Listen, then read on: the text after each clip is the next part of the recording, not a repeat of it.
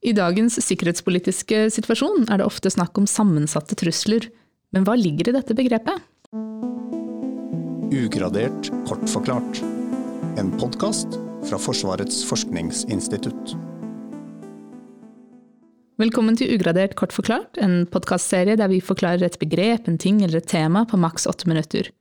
Mitt navn er Katinka Brattberg, og med meg i studio i dag har jeg forsker Julie Bergaust. Velkommen hit. Tusen takk. Kan ikke du hjelpe oss litt med en begrepsavklaring? Hva er sammensatte trusler? Sammensatte trusler er et litt uh, vanskelig og ullent uh, begrep, som uh, kanskje er grunnen til at jeg har blitt invitert. Overordnet så handler det om at aktører, f.eks. stater, benytter seg av hele verktøykassen av tilgjengelige virkemidler for å nå sine mål, gjerne i det skjulte for å unngå direkte konflikt, gjennom metoder som påvirkning, tvang og fysisk skade. For å ikke sammenblande vanlige diplomatiske og politiske prosesser med forståelsen av sammensatte trusler, kan det være viktig å si noe om intensjonen bak denne virkemiddelbruken. Det er ofte skjulte handlinger som forsøker å manipulere andre staters interesser. Hensikten er ofte så tvil i befolkningen, undergrave samhold, svekke demokratiske institusjoner og påvirke handlefriheten vår. Er det mulig å komme med noen eksempler på, på hva slags eh, handlinger som da defineres som sammensatte trusler?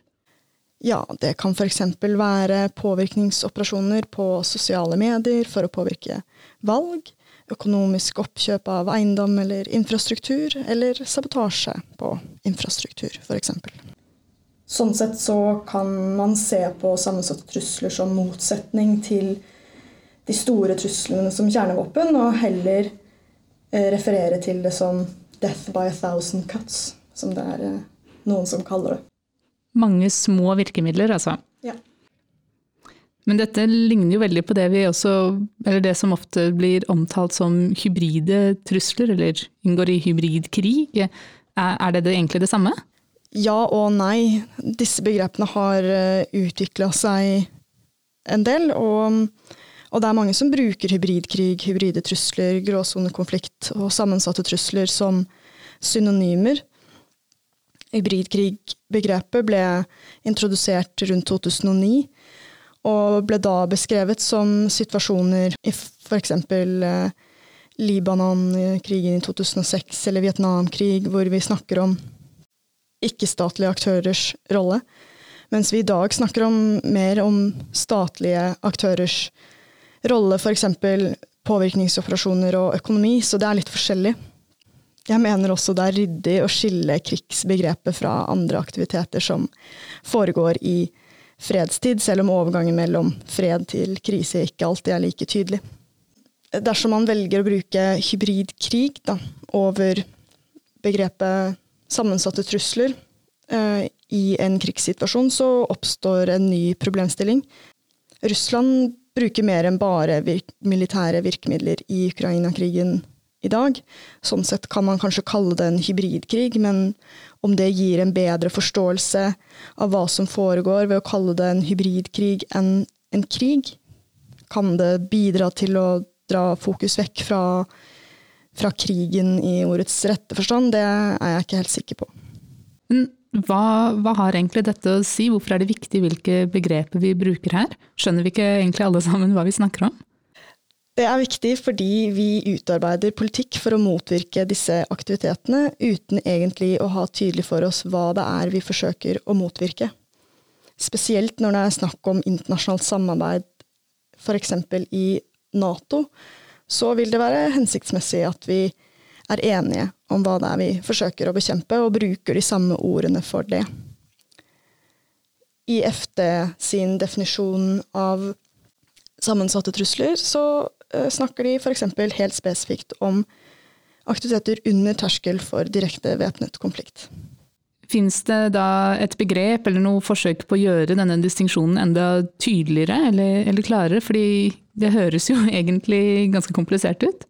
Ja, med fare for å kaste for mange begrep inn i denne diskusjonen, synes jeg en finsk forsker som kaller det hybrid interference, bedre beskriver den bekymringen vi har i Norge i dag uten at jeg er helt sikker på hvordan man best oversetter hybrid interference til norsk. Men det handler jo om innblanding fra utenlandske aktører. Hvordan andre land kan blande seg inn i våre anliggende når vi ikke ønsker det. Når det ikke er krig. Når det ikke er fremmet en spesifikk trussel i form av en advarsel. Men det er mer alvorlig enn en blanding av bruk av virkemidler, da. Og du forsker jo på sammensatte trusler. Hva, hva er de største spørsmålene på, på, dette forskningsfeltet?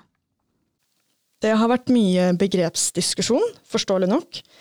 Det er også mange som spør hva det er vi skal gjøre for å motvirke sammensatte trusler. Det er også diskusjon rundt hvorvidt dette egentlig er nytt eller ikke. Og så er det mye kritikk rundt verdien, den analytiske verdien et slikt begrep egentlig har.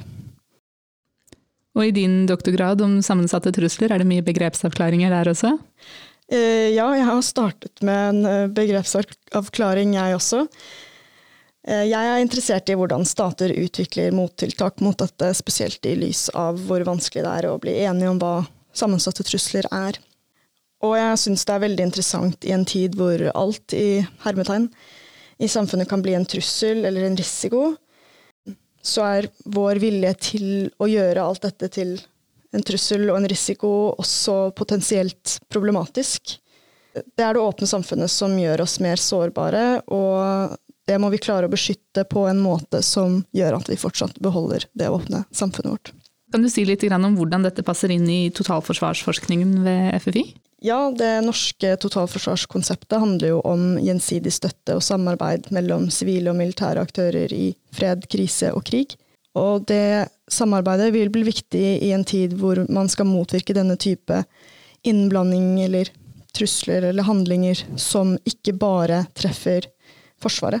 Ettersom sammensatte trusler ikke bare rammer Forsvaret, men flere deler av samfunnet, vil det være flere deler av samfunnet som også må bygge opp en forståelse av hva dette betyr, og hvordan vi kan beskytte oss mot det. Tusen takk for at du hadde tid til å komme til oss, Julie. Takk for meg.